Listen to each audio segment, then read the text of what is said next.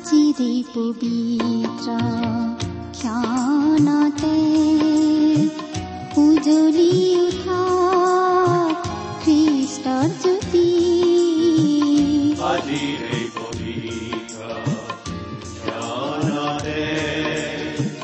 উজলি উঠা খ্ৰীষ্টৰ জ্যোতি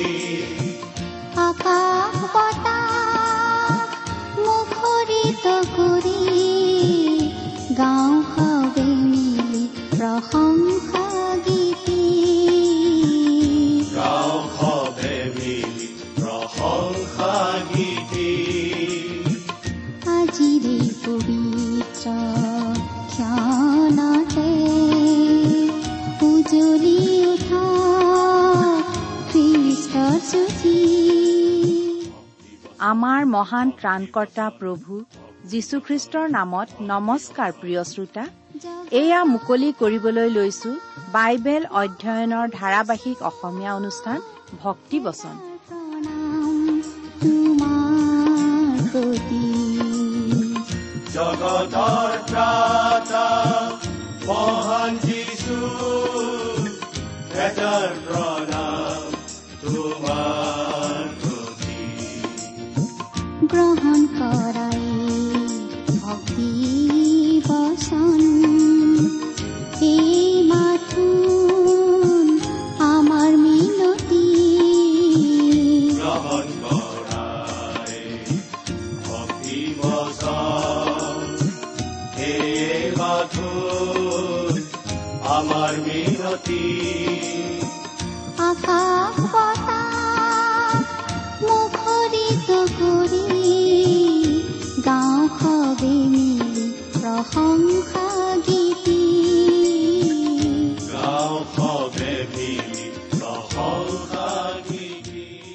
আমাৰ পৰম পবিত্ৰ প্ৰভু যীশুখ্ৰীষ্টৰ নামত নমস্কাৰ প্ৰিয় শ্ৰোতা।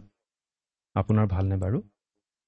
আপুনি আমাৰ এই ভক্তিবচন অনুষ্ঠান নিয়মিতভাৱে শুনি আহিছেনে? এই অনুষ্ঠান সম্বন্ধে আপোনাৰ মতামত কেতিয়াবা আমাক জনাইছেনে? আমি কিন্তু আপোনাৰ চিঠিৰ বাবে আগ্ৰহেৰে বাট চাই থাকোঁ। অনুগ্ৰহ কৰি আমালৈ মাজে সময়ে চিঠি পত্ৰ দি থাকিবচোন। আহকচোন আজিৰ অধ্যয়ন আৰম্ভ কৰাৰ আগতে মহান পিতা পৰমেশ্বৰৰ ওচৰত প্ৰাৰ্থনাত মূৰ্ণত কৰোঁ হওক। আমি প্ৰাৰ্থনা কৰোঁ। হে আমাৰ স্বৰ্গত থকা অসীম দয়ালু পিতৃ ঈশ্বৰ প্ৰথমতেই তোমাক ধন্যবাদ জনাওঁ। কিয়নো তুমি আমাক এটা নতুন দিন দেখিবলৈ দিলা আৰু তোমাৰ বাক্য অধ্যয়ন কৰাৰ আৰু এটা সুযোগ আমাক দান কৰিলা। তোমাৰ মহান বাক্য বাইবেল শাস্ত্ৰ বুজি পাবলৈ তুমি আমাক সহায় কৰা প্ৰভু।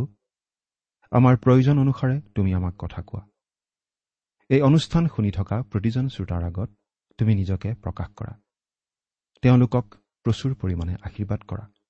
কিয়নো এই প্ৰাৰ্থনা আমাৰ হকে ক্ৰুচত নিজৰ পবিত্ৰ তেজ বোৱাই আমাৰ পাপৰ প্ৰায়চিত্ৰ কৰি।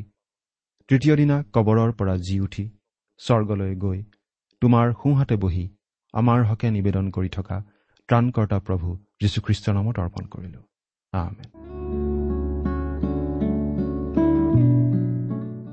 প্ৰিয় শ্ৰোতা আমি আজি কিছুদিন ধৰি বাইবেলৰ নতুন নিয়ম খণ্ডৰ পিতৰৰ প্ৰথম পত্ৰ বা চমুকৈ প্ৰথম পিতৰ নামৰ পুস্তকখন অধ্যয়ন কৰি আছো। নহয়নে বাৰু? আপুনি নিশ্চয় আমাৰ এই অনুষ্ঠান নিয়মিতভাৱে শুনি আছে। গতিকে আপুনি নিশ্চয় এই কথাও জানে যে যোৱা অনুষ্ঠানত আমি এই প্ৰথম পিতৰ পুস্তকখনৰ চাৰি নম্বৰ অধ্যায়ৰ অধ্যয়ন আৰম্ভ কৰিছিলোঁ। কথাবোৰ আপোনাৰ মনত আছেনে? চাৰি নম্বৰ অধ্যায়ৰ মূল বিষয় হৈছে এইয়ে যে দুখ ভোগে খ্ৰীষ্টীয় বিশ্বাসীসকলৰ জীৱনত ঈশ্বৰৰ প্ৰতি বাধ্যতাৰ জন্ম দিয়ে। দুখ ভোগে খ্ৰীষ্টীয় বিশ্বাসীসকলক ঈশ্বৰৰ ওচৰ চপাই নিয়ে। আমি বাৰে বাৰে কৈ আহিছোঁ যে খ্ৰীষ্টীয় বিশ্বাসীৰ জীৱনত দুখ কষ্ট আছেই। বাস্তৱিকতে খ্ৰীষ্ট যীশুত ভক্তিপূৰ্ণ জীৱন যাপন কৰিব খোজা লোকসকলে এই জগতত নানা ধৰণৰ তাৰণাৰ সন্মুখীন হ'ব লাগিবই আৰু এই বুলি বাইবেলত অতি স্পষ্টভাৱে লিখা আছে। যোৱা অনুষ্ঠানত আমি এই প্ৰথম পিতৰ পত্ৰৰ চাৰি নম্বৰ অধ্যায়ৰ মাত্ৰ প্ৰথম পদ দুটা পঢ়ি তাৰ ভিত্তিতে আমাৰ আলোচনা আগবঢ়াইছিলোঁ। আমি এটা কথা বিশেষভাৱে আলোচনা কৰিছিলোঁ যে খ্ৰীষ্টই আমাৰ হৈ আমাৰ পাপৰ শাস্তি ক্ৰুচৰ ওপৰত নিজে বহন কৰিলে আৰু আমি খ্ৰীষ্টীয় বিশ্বাসীসকল আৰু পাপৰ অধীন নহয়। সেই প্ৰসংগতে আমি অপব্যয় পুত্ৰৰ উদাহৰণ দি কৈছিলো যে অপব্যয় পুত্ৰই গাহৰিৰ গঁড়ালত থাকি গাহৰিৰ আহাৰ খাই ভাল পোৱা নাছিল কাৰণ তেওঁ পিতৃৰ সন্তান আছিল পিতৃৰ প্ৰকৃতি তেওঁৰ গাত আছিল। সেইবাবে তেওঁ গাহৰিৰ গঁড়াল এৰি নিজৰ পিতৃৰ ওচৰলৈ উভতি আহিছিল। ঠিক একেদৰে যীশুখ্ৰীষ্টক ত্ৰাণকৰ্তা বুলি গ্ৰহণ কৰি নতুন জন্ম লাভ কৰি ঈশ্বৰৰ সন্তান হোৱাৰ পাছত কোনো খ্ৰীষ্টীয় বিশ্বাসীয়ে আৰু পাপত থাকি ভাল পাব নোৱাৰে। কেতিয়াবা কোনো খ্ৰীষ্টীয় বিশ্বাসীয়ে ভুল কৰি তেনেকুৱা পৰিস্থিতিত পৰিলেও পিতৃ ঈশ্বৰৰ পৰা ক্ষমা বিচাৰি আকৌ ঈশ্বৰলৈ উভতি আহিবই। সেই কাম কৰিলেহে খ্ৰীষ্টীয় বিশ্বাসীসকলে পৰিত্ৰাণৰ আনন্দ উপভোগ কৰিব পাৰে। যদি কোনো লোক অনবৰতে পাপত থাকিয়েই ভাল পায় তেনেকুৱা লোক প্ৰকৃততে পৰিত্ৰাণ পোৱা লোক হয়নে নহয় সেই বিষয়ে আমাৰ মনত সন্দেহ জন্মিব। ঈশ্বৰে খ্ৰীষ্টীয় বিশ্বাসীসকলৰ জীৱনলৈ দুখ ক্লেশ তাৰণা আদি আহিবলৈ দিয়ে যাতে খ্ৰীষ্টীয় বিশ্বাসীসকল পাপৰ পৰা আঁতৰি আহে। আৰু পিতৃ ঈশ্বৰৰ ওচৰ চাপি যায়। এতিয়া আমি বাইবেলৰ পৰা পাঠ কৰি দিম। আপোনাৰ বাইবেলখন মেলি লৈছেনে বাৰু? প্ৰথম পিতৰ চাৰি নম্বৰ অধ্যায় তিনি নম্বৰ পদটো পাঠ কৰি দিব খুজিছোঁ। ইয়াত এনেদৰে লিখা আছে কাৰণ লম্পট আচৰণ অভিলাষ সুৰাপান ৰং ৰস পানাৰ্থক আমোদ প্ৰমোদ আৰু ঘীনলগীয়া দেৱ পূজা এই সকলোতে চলি পৰজাতিবিলাকৰ ইচ্ছা সাধন কৰিবলৈ যি কাল অতীত হ'ল সেয়ে যথেষ্ট। খ্ৰীষ্টত বিশ্বাস কৰাৰ আগতে আমি যি ধৰণৰ জীৱন যাপন কৰিছিলোঁ আকৌ তেনেকুৱা জীৱন যাপন কৰিবলৈ যোৱাটো মূৰ্খামী। আচলতে আমি তেনেকুৱা কৰিব নোৱাৰোঁ। আমি খ্ৰীষ্টক বিশ্বাস কৰাৰ পাছত তেওঁৰ সৈতে সংলগ্ন হলো। তেওঁৰে সৈতে এক হলো। আমি আৰু জাগতিক পাপত মত্ত হৈ পৰিব নোৱাৰো। পাপত থাকি ভাল পোৱা লোকৰ সৈতে দৌৰিব নোৱাৰো। আমি আজি জীয়াই থাকিব লাগে ঈশ্বৰৰ অৰ্থে। এইটো অতি দৰকাৰী বিশেষভাৱে মন কৰিবলগীয়া কথা। জীৱনটো চুটি সময় বেগাই গৈ আছে। আৰু এই জীৱনৰ অন্ত পৰিলে আমি যে এদিন ঈশ্বৰৰ আগত বিচাৰৰ বাবে থিয় হ'ব লাগিব সেই কথা মনত ৰখা উচিত। লম্পট আচৰণ অভিলাষ সুৰাপান ৰং ৰস পানাৰ্থক আমোদ প্ৰমোদ আৰু ঘীনলগীয়া দেৱপূজা। ইয়াত পাচনি পিতৰে বিভিন্ন ধৰণৰ পাপবিলাকৰ কথা উল্লেখ কৰিছে। বিলি চান্দে নামৰ এজন বিখ্যাত প্ৰচাৰক আছিল। তেওঁৰ সাফল্যৰ মূলতে কি বুলি এবাৰ এজন লোকক প্ৰশ্ন কৰোঁতে লোকজনে উত্তৰ দিছিল। বিলি চান্দেই পাপৰ বিষয়ত কথা কৈছিল আৰু তেওঁ যেতিয়া পাপৰ কথা কৈছিল অতি পোনপটীয়াভাৱে স্পষ্টভাৱে কৈছিল। তেওঁ পাপবোৰৰ কথা মুখ ফুটাই কৈছিল। প্ৰিয় শ্ৰোতা ইয়াতো পাচনি পিতৰে পাপবোৰৰ স্পষ্ট তালিকা এখন দাঙি ধৰিছে। লম্পট আচৰণ বুলি কওঁতে বিভিন্ন ধৰণৰ যৌন বিষয়ক কুকাৰ্যবোৰৰ কথা বুজা যায়। মাংসিক অভিলাষ যৌন অভিলাষ এইবোৰৰ বশত থাকি মানুহে অতি ঘীনলগীয়া কুকাৰ্যত লিপ্ত হয়। সুৰাপান কৰি মতলীয়া হোৱা কাৰ্যটো সমানেই পাপ বুলি ইয়াত কোৱা হৈছে। সুৰাপান কৰি মানুহে হিতাহিত জ্ঞান শূন্য হৈ নানাবিধ অপকৰ্ম কৰে। ৰং ৰস পানাৰ্থক আমোদ প্ৰমোদ আৰু ঘীনলগীয়া দেৱা পূজা এইবোৰ পাপৰ অৰ্থ কম বেছি পৰিমাণে আমি সকলোৱে জানো। জাগতিক মাংসিক অভিলাষ পূৰণতে ব্যস্ত থকা মানুহক ইয়াত বুজোৱা হৈছে। বিশেষকৈ বিষয় বাসনাৰ বশত থকা লোক। আজি আমি ঘীনলগীয়া দেৱপূজাত লিপ্ত নহ'ব পাৰোঁ। কিন্তু ধন সম্পত্তিয়ে আজি বহুতৰ বাবে দেৱতাৰ স্থান লোৱা নাইনে? ধনেই সকলো মন্দৰ মূল বুলি বাইবেলত কোৱা হৈছে। লোভ অধিক লোভ যিমান হলেও নাটে আৰু লাগে আৰু লাগে। ধন সম্পত্তিৰ লোভত মানুহে সকলো পাহৰি নানা ধৰণৰ দুৰ্নীতিৰ আশ্ৰয় নলয়নে? এই লোভেই আমাক ঈশ্বৰৰ পৰা আঁতৰাই নিব পাৰে। মুঠতে ইয়াত উল্লেখ কৰা সকলো ধৰণৰ কুকাৰ্যই আমাক ঈশ্বৰৰ পৰা আঁতৰাই নিব পাৰে। আৰু পিতৰে সেইবোৰ স্পষ্টভাৱে উল্লেখ কৰিছে। আমি পাপ সম্বন্ধে স্পষ্ট ধাৰণা থকা লোক হ'ব লাগিব। বহুতো সময়ত আমি পাপ সম্বন্ধে খেলি মেলি ধাৰণাৰ সৃষ্টি কৰোঁ। ইফালেও কওঁ সিফালেও কওঁ। হয়তো কোনো এটা কাম পাপ বুলি ক'লে কোনোবাই আঘাত পাব বুলি ভয় কৰোঁ। কিন্তু পাচনি পিতৰে ইয়াত পাপক স্পষ্টভাৱে পাপ বুলি কৈছে। এই বিষয়ে আমাৰ ভুল হ'ব নোৱাৰে।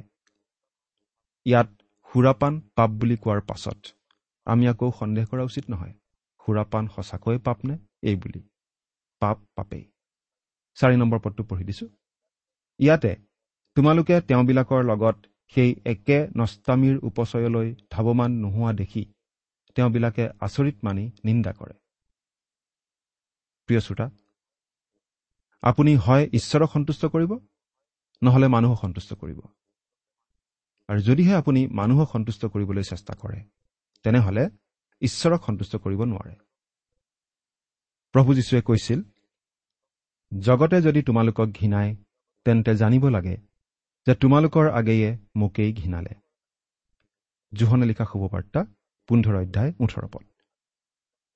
যদি আমি খ্ৰীষ্টক প্ৰেম কৰোঁ জগতে আমাক ঘৃণাব। যদি জগতে আমাক নিঘৃণায় তেন্তে আমাৰ খ্ৰীষ্টীয় জীৱনত নিশ্চয় কিবা কেৰুণ আছে। এজন ছাত্ৰই এনেদৰে কৈছিল মই পঢ়া শুনাত ভাল আছিলো। বন্ধু বান্ধৱ কাৰো লগত মোৰ কাজিয়া নাছিল। কাৰো অন্যায় চিন্তা নকৰিছিলোঁ। সুবিধা পালে সহায় কৰিছিলোঁ। কিন্তু মই এবাৰ এটা যুৱ শিবিৰত যোগ দি তাতে খ্ৰীষ্টক মোৰ ত্ৰাণকৰ্তা বুলি গ্ৰহণ কৰিলোঁ। মই খ্ৰীষ্টক গ্ৰহণ কৰাৰ পাছত মই আগতকৈ উন্নত স্বভাৱৰহে হলো। কিন্তু মই মন কৰিলোঁ যে সকলোৱে মোক ঠাট্টা বিদ্ৰোপ কৰিবলৈ ল'লে। মোক অৱজ্ঞাৰ ভাৱেৰে চাব ধৰিলে। খ্ৰীষ্টক গ্ৰহণ কৰাৰ কাৰণে মই বন্ধু বান্ধৱৰ মাজত অপ্ৰিয় হৈ পৰিলোঁ। প্ৰিয় শ্ৰোতা খ্ৰীষ্টক গ্ৰহণ কৰাৰ পাছত মানুহৰ জানো নৈতিক অধপতন ঘটে। ভাল মানুহে জানো বেয়া কাম কৰিবলৈ লয়। আগতে সঁচা কথা কোৱা মানুহে জানো মিছা কথা ক'বলৈ লয়। বা আগতে সৎ স্বভাৱৰ চিনাকি দিয়া মানুহ জানো অসৎ হয়। কিন্তু আমি দেখিবলৈ পাওঁ যে খ্ৰীষ্টক গ্ৰহণ কৰাৰ পাছত মানুহক জগতে বেয়া পোৱা হয়। এইটো স্বাভাৱিক কথা। কাৰণ খ্ৰীষ্টক গ্ৰহণ কৰাৰ পাছত মানুহে বহুতো আপত্তিজনক কাম নকৰা হয়। আগতে কৰি অহা কুকৰ্ম ত্যাগ কৰে। আগৰ কুসংগ ত্যাগ কৰে। গতিকে মানুহে বেয়া পোৱা হয়। খ্ৰীষ্টক গ্ৰহণ কৰি ঈশ্বৰৰ সন্তান হোৱাৰ পাছত আমি আৰু পাপ কামত মত্ত থাকিব নোৱাৰোঁ। কাৰণ খ্ৰীষ্টক গ্ৰহণ কৰি আমি নতুন প্ৰকৃতি লাভ কৰোঁ। আমি খ্ৰীষ্টৰ সৈতে সংযুক্ত হৈ পৰোঁ। তেওঁ আমাক সহায় কৰিব পাৰে সকলো পৰিস্থিতিতে। আমি লাভ কৰোঁ পবিত্ৰ আত্মাৰ বাপ্তিস্ম আৰু পবিত্ৰ আত্মাই আমাক নিবাস কৰিবলৈ লয়। পবিত্ৰ আত্মাৰ শক্তিৰেই আমি ঈশ্বৰৰ বাধ্য হৈ ঈশ্বৰক সন্তুষ্ট কৰা জীৱন যাপন কৰিব পাৰোঁ। আমি নিজৰ শক্তিৰে নহয় তেওঁৰ শক্তিতহে তেওঁৰ গ্ৰহণযোগ্য জীৱন যাপন কৰিব পাৰোঁ। এতিয়া পাঁচ নম্বৰ পদটো পঢ়ি দিছো। কিন্তু যিজন জীয়া আৰু মৰাবিলাকৰ সুদবিচাৰ কৰিবলৈ যুগুত আছে তেওঁৰ আগত তেওঁবিলাকে হিচাপ দিব লাগিব। যিজনা জীয়া আৰু মৰাবিলাকৰ সুদবিচাৰ কৰিবলৈ যুগুত আছে। এদিন প্ৰভু যীশুৱে মৰা আৰু জীয়া গোটেই জগতখনৰ লোকবিলাকৰ বিচাৰ কৰিব। তেওঁ খ্ৰীষ্টীয় বিশ্বাসীসকলৰ বিচাৰ কৰিব। নিশ্চয় কৰিব। কিন্তু পৰিত্ৰাণ পোৱা নোপোৱাৰ বিষয়ত নহয়। কাৰণ খ্ৰীষ্টক ত্ৰাণকৰ্তা বুলি গ্ৰহণ কৰাৰ লগে লগেই আমি পৰিত্ৰাণ পোৱাটো নিশ্চিত হয়। খ্ৰীষ্টীয় বিশ্বাসীসকল পৰিত্ৰাণ পোৱা লোক হলেও খ্ৰীষ্টই তেওঁলোকৰো বিচাৰ কৰিব। কাৰণ কোনো ধৰণৰ পাপ বিচাৰ নোহোৱাকৈ সাৰি যাব নোৱাৰে। খ্ৰীষ্টীয় বিশ্বাসীসকলে পাপৰ শাস্তি এই জগততে পায়। যেতিয়া পিতৃ ঈশ্বৰে তেওঁলোকক দণ্ড দিয়ে।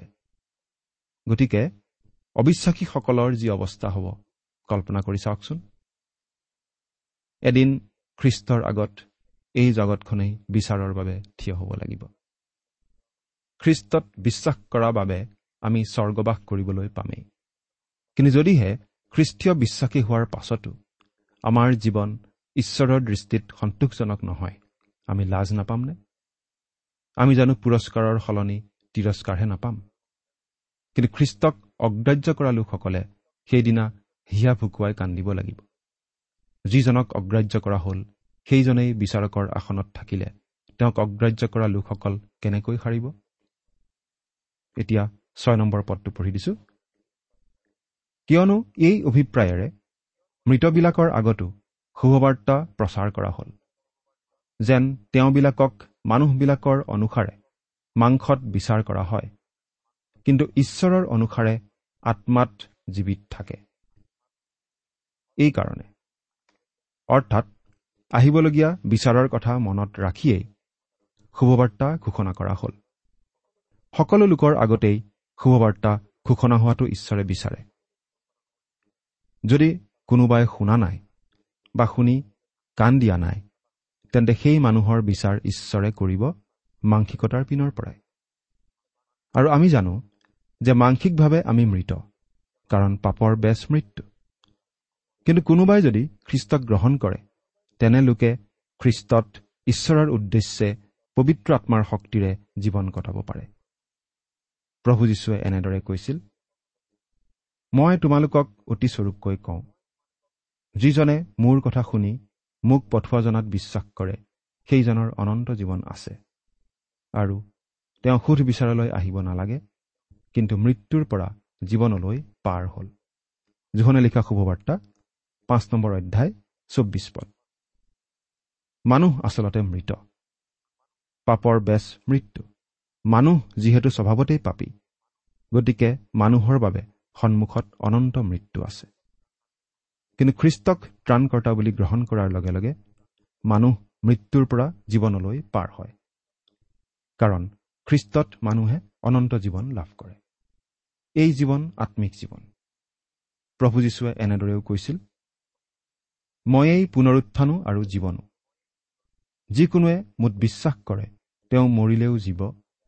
আৰু যিকোনোৱে জীয়াই থাকি মোত বিশ্বাস কৰে তেওঁ কেতিয়াও নমৰিব। জোহনে লিখা শুভবাৰ্তা এঘাৰ অধ্যায় পঁচিছ আৰু ছাব্বিছ পদ। অৰ্থাৎ খ্ৰীষ্টত বিশ্বাস কৰাৰ পাছত আমি আৰু কেতিয়াও নমৰোঁ আত্মিকভাৱে। শৰীৰটো মৰি যাব পাৰে কিন্তু আত্মিকভাৱে আমি লাভ কৰোঁ অনন্ত জীৱন। পাচনি পৌলে ইফিচত থকা খ্ৰীষ্টীয় বিশ্বাসীসকললৈ এনেদৰে লিখিছিল। আৰু যেতিয়া তোমালোক তোমালোকৰ অপৰাধ আৰু পাপবোৰত মৰি আছিলা তেতিয়া তোমালোকক ঈশ্বৰে জীয়ালে। ইফিচিয়া দুই নম্বৰ অধ্যায় প্ৰথম পদ। খ্ৰীষ্টক গ্ৰহণ কৰাৰ আগলৈকে আমি আত্মিকভাৱে মৃত অৱস্থাত থাকোঁ। কিন্তু খ্ৰীষ্টক গ্ৰহণ কৰাৰ লগে লগে আমি লাভ কৰোঁ আত্মিক জীৱন যি জীৱনৰ কেতিয়াও অন্ত নপৰে। খ্ৰীষ্টৰ শুভবাৰ্তা ঘোষণা কৰা হৈ আছে। যিসকলে সেই শুভবাৰ্তা বিশ্বাস কৰি খ্ৰীষ্টক গ্ৰহণ কৰে তেওঁলোকে লাভ কৰে অনন্ত জীৱন। আনহাতে তেওঁক অগ্ৰাহ্য কৰা লোকসকলৰ বাবে থাকে অনন্ত মৃত্যু। সাত নম্বৰ পদটো পঢ়িছো। কিন্তু সকলোৰে শেষ ওচৰ চাপিছে। ইয়াতেকে প্ৰাৰ্থনাৰ কাৰণে সুবোধ আৰু সচেতন হোৱা। সকলোৰে শেষ ওচৰ চাপিছে। এই যুগৰ অন্ত পৰিব। প্ৰভু যীশু আকৌ আহিব। ৰজা হিচাপে বিচাৰক হিচাপে। বাইবেলত লিখিছে আৰু পৰমধন্য আশা সিদ্ধিলৈ আৰু মহান ঈশ্বৰ আৰু আমাৰ ত্ৰাণকৰ্তা যীশুখ্ৰীষ্টৰ প্ৰতাপৰ আৱিৰ্ভাৱলৈ যেন অপেক্ষা কৰি থাকোঁ। সেই অনুগ্ৰহে এনে শিক্ষা আমাক দিছে। তিতৰ প্ৰতি পত্ৰ দ্বিতীয় অধ্যায় তেৰ নম্বৰ পদ। এদিন এই জগতখনৰ কাল শেষ হ'ব। ঈশ্বৰে সকলোকে বিচাৰৰ আগলৈ আনিব। সেই কথা মনত ৰাখি আমি খ্ৰীষ্টীয় বিশ্বাসীসকলে বাৰু কি কৰা উচিত? প্ৰাৰ্থনাৰ কাৰণে সুবোধ আৰু সচেতন হোৱা। আমি মূৰ্খৰ নিচিনা নহয় সুবোধ হ'ব লাগিব। আমি বাইবেলত কি লিখা আছে জানিব লাগিব। আৰু সম্পূৰ্ণ সুবোধ আৰু সচেতন হৈ এই জগতত সাৱধানে থাকি প্ৰাৰ্থনাত ৰত হৈ থাকিব লাগিব যাতে আমি বিচলিত নহওঁ যাতে আমি অপথে নাযাওঁ। প্ৰভু যীশুৱে আমাক সৰ্পৰ নিচিনা টেঙৰ কিন্তু কপৌৰ দৰে হোজা হ'বলৈ কৈছে। অৰ্থাৎ আমি টেঙৰ হ'ব লাগিব যাতে আমাক কোনেও ভুলাব নোৱাৰে কোনেও বিশ্বাসত প্ৰবঞ্চিত কৰিব নোৱাৰে। কিন্তু আমি কপৌৰ নিচিনা নিৰ্জীৱ হ'ব লাগিব যাতে কাৰো একো অনিষ্ট নকৰোঁ। প্ৰভু যীশুৰ আগমনলৈ আমি প্ৰাৰ্থনাৰে অপেক্ষা কৰি থাকিব লাগিব। সচেতন হৈ পৰ দি থাকিব লাগিব। এতিয়া আঠ নম্বৰ পদটো পঢ়ি দিছোঁ। বিশেষকৈ তোমালোকৰ মাজত পৰস্পৰে আগ্ৰহযুক্ত প্ৰেম ৰাখা কিয়নো প্ৰেমে পাপসমূহ থাকে। ইয়াত খ্ৰীষ্টীয় বিশ্বাসীসকলৰ মাজত কেনে সম্বন্ধ থকা উচিত? সেই কথা কোৱা হৈছে ঘৃণাই আমাৰ মাজত বিভেদ আনে বিবাদ আনে। কিন্তু প্ৰেমে বিবাদ দূৰ কৰে। আমি যাক প্ৰেম কৰোঁ তেওঁৰ দুখ খুচৰিবলৈ নাযাওঁ বৰং তেওঁৰ কিবা দুখ থাকিলে পাহৰি পেলাওঁ। খ্ৰীষ্টীয় বিশ্বাসীসকলকো পৰস্পৰৰ প্ৰতি প্ৰেম ৰাখিবলৈ কোৱা হৈছে। ন নম্বৰ পদটো পঢ়িছো। ওজৰ নকৰাকৈ পৰস্পৰে অতিথি সেৱাত আসক্ত হোৱা। অতিথি সেৱা আদৰণীয় গুণ। আমি কোনো আপত্তি নকৰাকৈ অৰ্থাৎ বাধ্য হৈ নহয় কিন্তু খোলা মনেৰে অতিথি সেৱা কৰা উচিত। আমাৰ মাজত বহুতো এনে লোক আছে যিসকলে বাহিৰৰ পৰা অহা শিক্ষক প্ৰচাৰক আদিক আলহীকৈ ৰাখি ভাল পায়। এসাঁজ ভালকৈ খুৱাই ভাল পায়। আৰু এইটো আদৰণীয় কথা। প্ৰিয় শ্ৰোতা এতিয়া আমি দহ নম্বৰ পদৰ পৰা পাঠ কৰি দিম।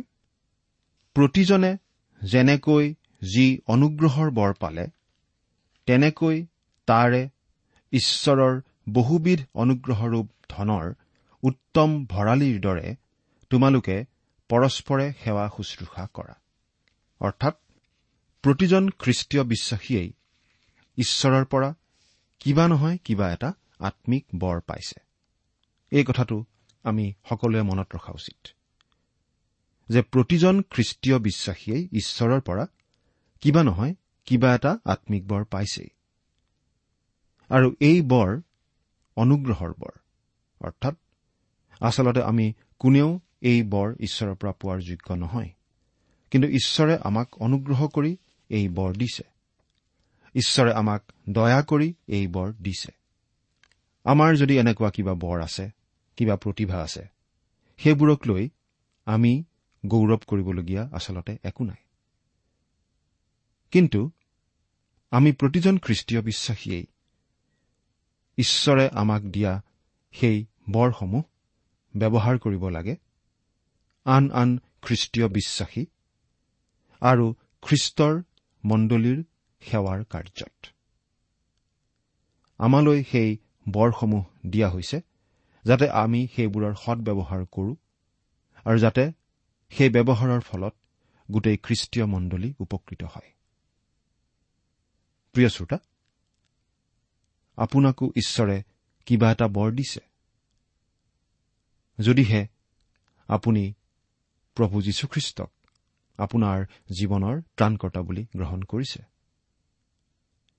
আৰু যদিহে আপুনি ঈশ্বৰৰ পৰা কিবা বৰ পাইছে সেইটো ঈশ্বৰে আপোনাক দিয়া বৰ। আৰু সেই বৰৰ উত্তম ভঁৰালীৰ নিচিনাকৈ সেই বৰ সযতনে ৰাখি সেই বৰ ভালদৰে ব্যৱহাৰ কৰাৰ দায়িত্ব আপোনাৰ আছে। আপোনাৰ বৰ আপুনি খ্ৰীষ্টৰ গৌৰৱৰ কাৰণে খ্ৰীষ্টীয় মণ্ডলীৰ সেৱাত ব্যৱহাৰ কৰি আছেনে বাৰু? এবাৰ কথাটো চিন্তা কৰি চাওকচোন। এতিয়া আমি এঘাৰ নম্বৰ পদটো পঢ়ি দিম। কোনোৱে যদি কথা কয় তেওঁ ঈশ্বৰৰ বচনসমূহৰ দৰে কওক।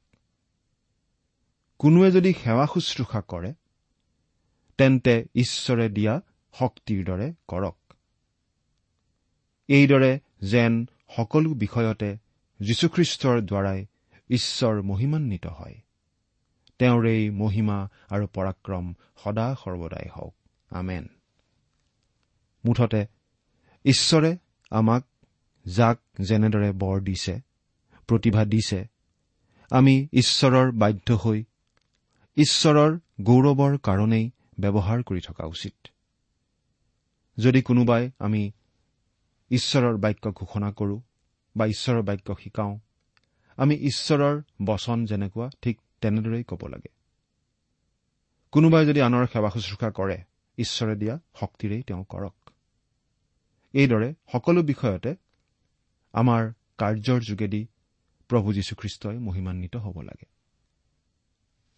আমি প্ৰত্যেকেই আমাৰ বৰসমূহ উচিত ৰূপে ব্যৱহাৰ কৰি থকা উচিত যাতে সকলো বিষয়তে প্ৰভু যীশুখ্ৰীষ্টৰ দ্বাৰাই আমাৰ পিতৃ ঈশ্বৰ মহিমান্বিত হয়। প্ৰিয় শ্ৰোতা আমি এইখিনিতে এটা কথা মন কৰোচোন। প্ৰভু যীশুখ্ৰীষ্টৰ যোগেদিয়েই পিতৃ ঈশ্বৰ মহিমান্বিত হ'ব বিচাৰে। আৰু আমি প্ৰতিজন খ্ৰীষ্টীয় বিশ্বাসী প্ৰভু যীশুৰ সৈতে সংলগ্ন। গতিকে আমাৰো উদ্দেশ্য এটাই। আমাৰ জীৱনৰ যোগেদি পিতৃ ঈশ্বৰক মহিমান্বিত কৰা। সেই কাম বাৰু আপুনি কৰি আছেনে? চিন্তা কৰি চাওকচোন। ঈশ্বৰে আপোনাক আশীৰ্বাদ কৰক। আহমেন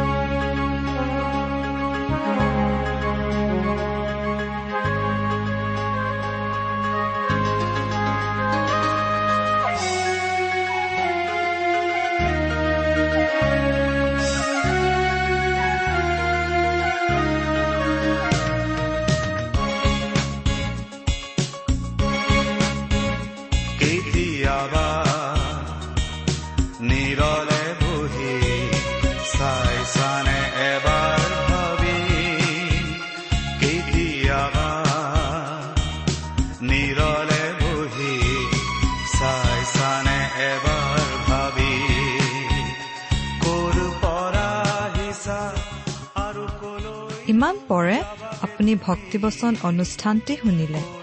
অনুষ্ঠানটি শুনি কেনে পালে? আমালৈ চিঠি লিখি জনাবচোন।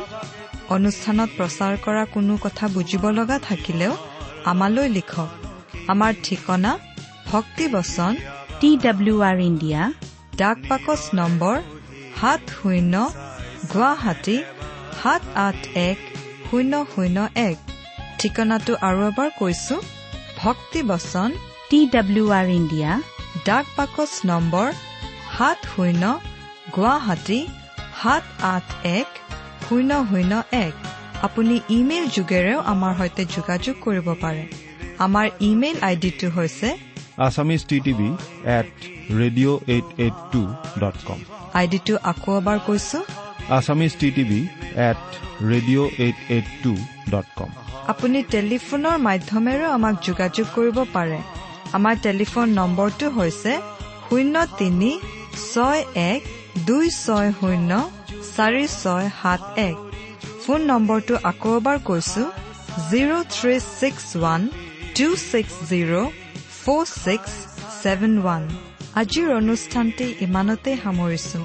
ঈশ্বৰৰ শান্তি আৰু অনুগ্ৰহ আপোনাৰ লগত থাকক। ধন্যবাদ।